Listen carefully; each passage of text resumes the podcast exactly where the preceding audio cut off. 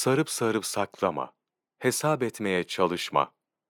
Hazreti Esma radıyallahu anha, Hazreti Ebubekir'in kızı radıyallahu an, Abdullah bin Zübeyir'in annesi radıyallahu an, Hazreti Ayşe'nin radıyallahu anha üvey kız kardeşi olan meşhur sahabiye kadınlardandır. İslam'ın ilk yıllarında Müslüman olmuştu. Hicretten 27 sene önce doğmuştu. Buhari'de Hazreti Esma'nın hayat tarzı bizzat kendi ağzından nakledilmiştir.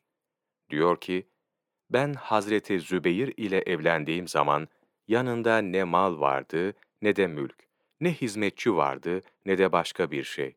Sadece su taşıyan bir devesi ve bir atı vardı. Ben kendim deve için ot vesaire getirirdim. Hurma çekirdeklerini dövüp yem olarak yedirirdim. Suyu kendim getirir, su kırbası yırtılınca onu kendim dikerdim. Hayvanların ot ve yem ihtiyaçları gibi bütün hizmetlerini ben görürdüm. Evin bütün işlerini görürdüm. Fakat bütün bunların içinde ata bakıp hizmet etmek bana en zor geleniydi. Ekmek pişirmeyi beceremediğimden hamuru yoğurup ensardan komşu kadınlara götürürdüm. Onlar çok samimi, ihlaslı kadınlardı. Benim ekmeğimi pişirirlerdi. Hazreti Esma radıyallahu anha çok cömertti. Önceleri hesaplar, ölçer, biçer, öyle harcardı.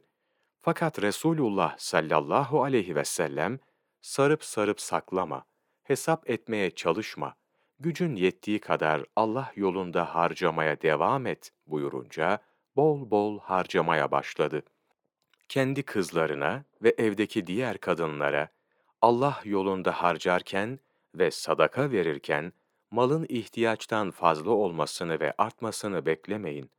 Eğer ihtiyaçtan fazla olsun diye beklerseniz böyle olması mümkün değildir. Çünkü ihtiyaçlar gittikçe artar.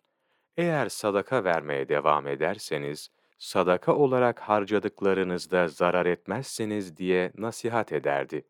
Zekeriya Kandehlevi, Fezaili Amal, 22 Ekim Mevlana takvimi